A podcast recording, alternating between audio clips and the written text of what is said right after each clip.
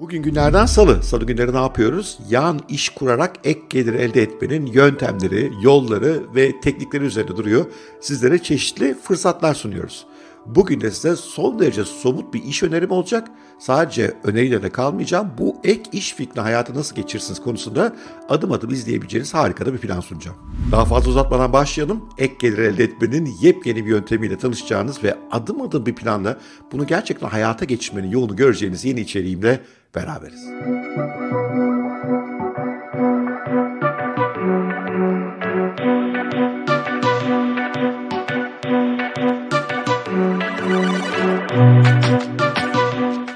Yan işler kurup ek gelirler elde etmenin pek çok yöntemi var ama benim en çok sevdiğim yöntemlerden bir tanesi dijital bilgi ürünleri üretmek, bunları satmak, pazarlamak ve bunlardan para kazanmak. Ne demek dijital bilgi ürünleri? İşin içerisinde bir bilgi meselesi var. Bu ürünler insanların yapmak istediği bir iş konusunda onlara yol gösteriyor. Bir problemlerini çözmesi konusunda onlara öneriler veriyor.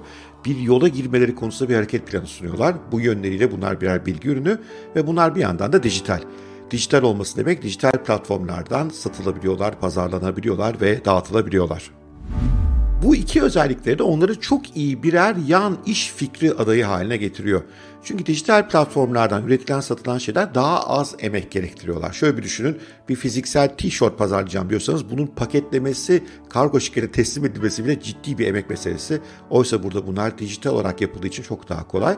Ayrıca bunların geniş kitlere ulaşmak da çok daha kolay.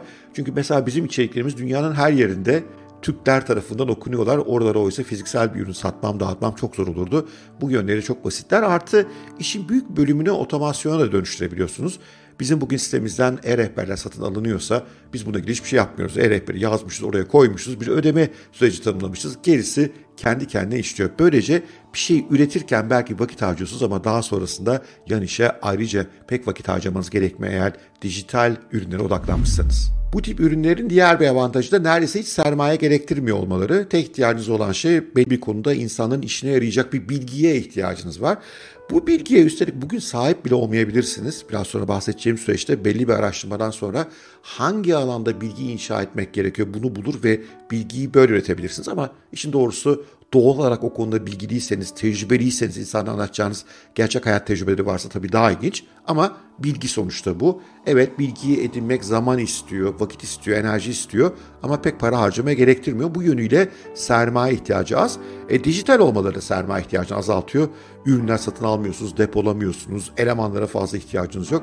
Bundan dolayı evet sıfır sermaye değil belki ama son derece düşük sermayelerle epey yüksek gelir elde edebileceğiniz modelleri burada kurmak mümkün. Dijital bilgi ürünlerinin bir diğer yönü de genişletilebiliyor olmaları. Ne demek istiyorum? Mesela bir konuda atıyorum nasıl milyoner olunur konusunda bir e-rehber, bir e-kitap yazdınız ve bu iyi sattı.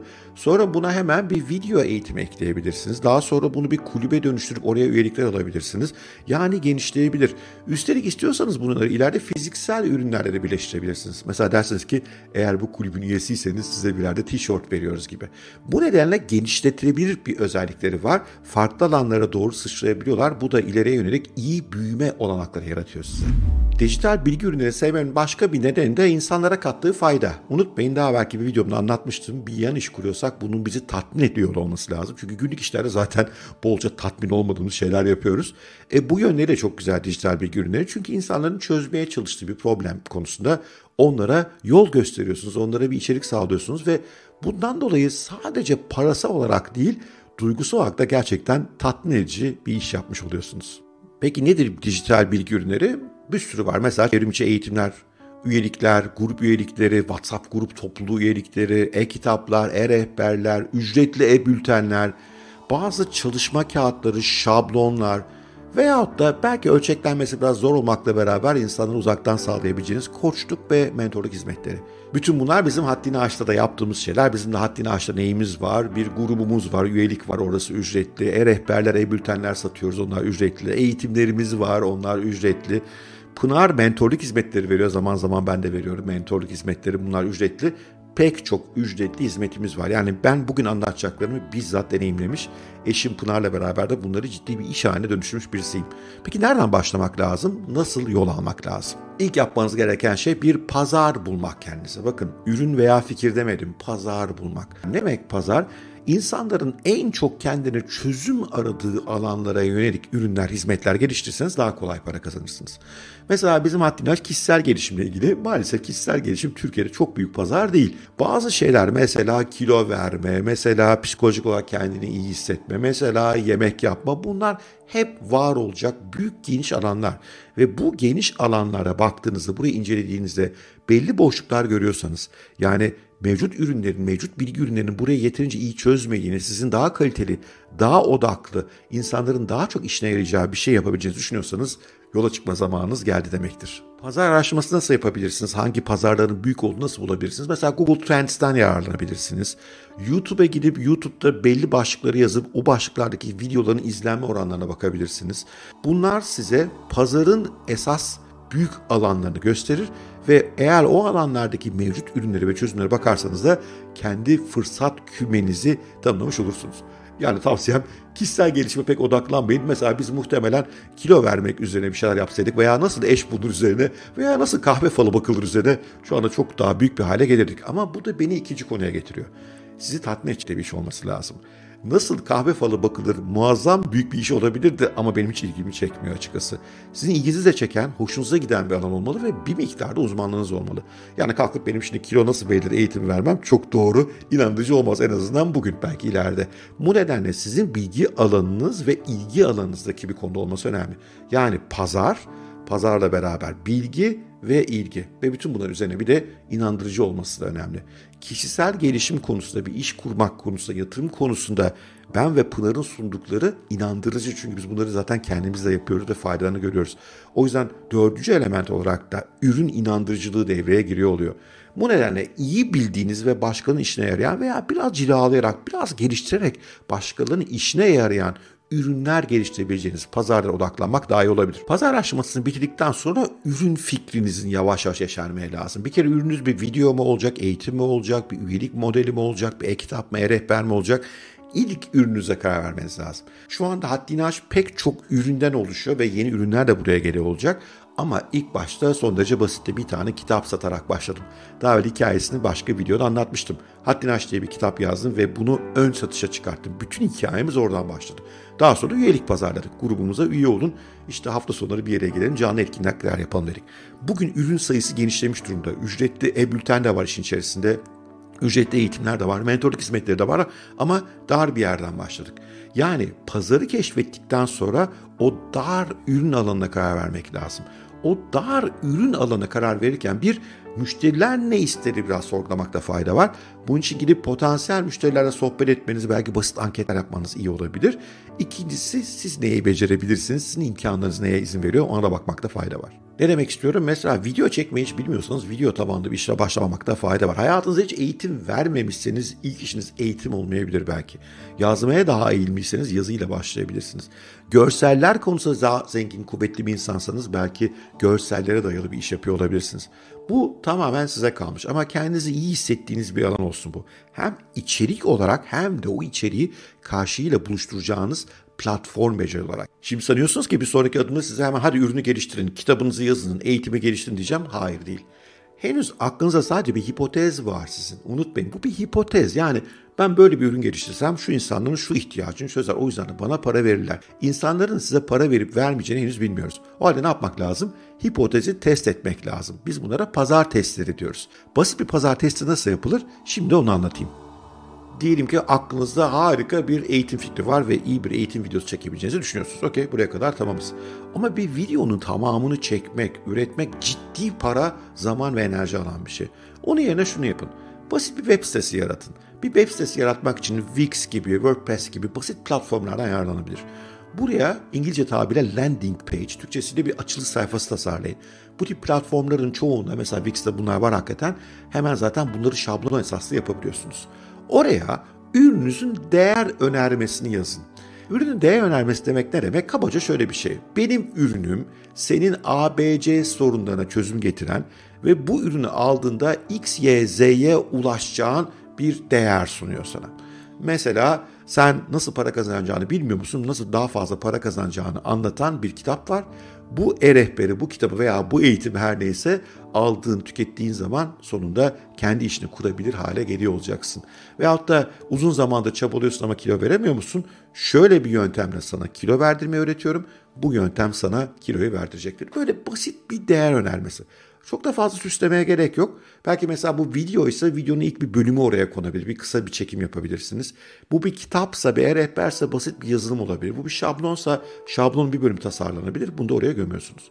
Ve diyorsunuz ki ben ileride böyle bir şey çıkartacağım. Gelin bana üye olun ve ön siparişinizi niyetli olduğunuzu en azından gösteriyor olun. Bunu yapmak için insanlar size e-mail adreslerini veriyor olacaklar. Bu e-mail adresi bizim için işte son derece kritik önemli. E-mail adresini aldık Diyelim ki 100 kişi dedi ki ben bu ürüne ilgileniyorum almak istiyorum. Bu 100 kişi nereden bulacağız? Daha evvelden bir sosyal medya gücünüz varsa tabii bu çok iyi. Mesela LinkedIn'de takipçi sayınız yüksekse çok işe yarayabilir. Twitter'da öyle, Instagram'da öyle. O yüzden o da ayrı bir konu. Sosyal medyayı baştan iyi yüksek kılmak, güçlü kılmak önemli. Eğer bu konuda bir eğitime ihtiyacınız varsa sevgili eşim Pınar'ın LinkedIn'de 1 milyon görüntüleme nasıl alınır isimli eğitimi tekrarlanacak yakında. Onun linkini aşağıya bırakıyorum. Bir sosyal medya gücü iyi bir şey. Peki hiç sosyal medya gücünüz yoksa henüz ne yapabilirsiniz? Sosyal medya gücü olan arkadaşlarınızdan, tanıdık influencerlar varsa onlardan yararlanabilirsiniz. Ya da Facebook'ta, Google'da çok basit reklamlar verebilirsiniz. Google'da şu yanda reklamlar oluyor ya, oraya değer önermenizi yazarsınız. Ben size kilo vermenin yöntemlerini gösteriyorum gibi.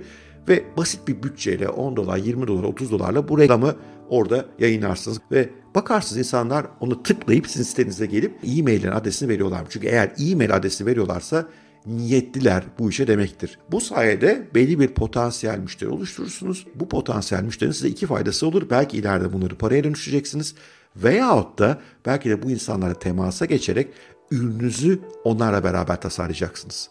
Buradan da gelelim bir sonraki aşamaya. Gerçek ürünü geliştirme. Bu dijital ürüne ilgi gösteren insanlarla temasa geçin direkt ve deyin ki hey merhaba ben bu ürünü yavaş yavaş geliştirmeye başladım. Neler istersin bu ürüne? Ben şöyle bir içerik düşündüm. Neleri eklemek çıkarmak istersin?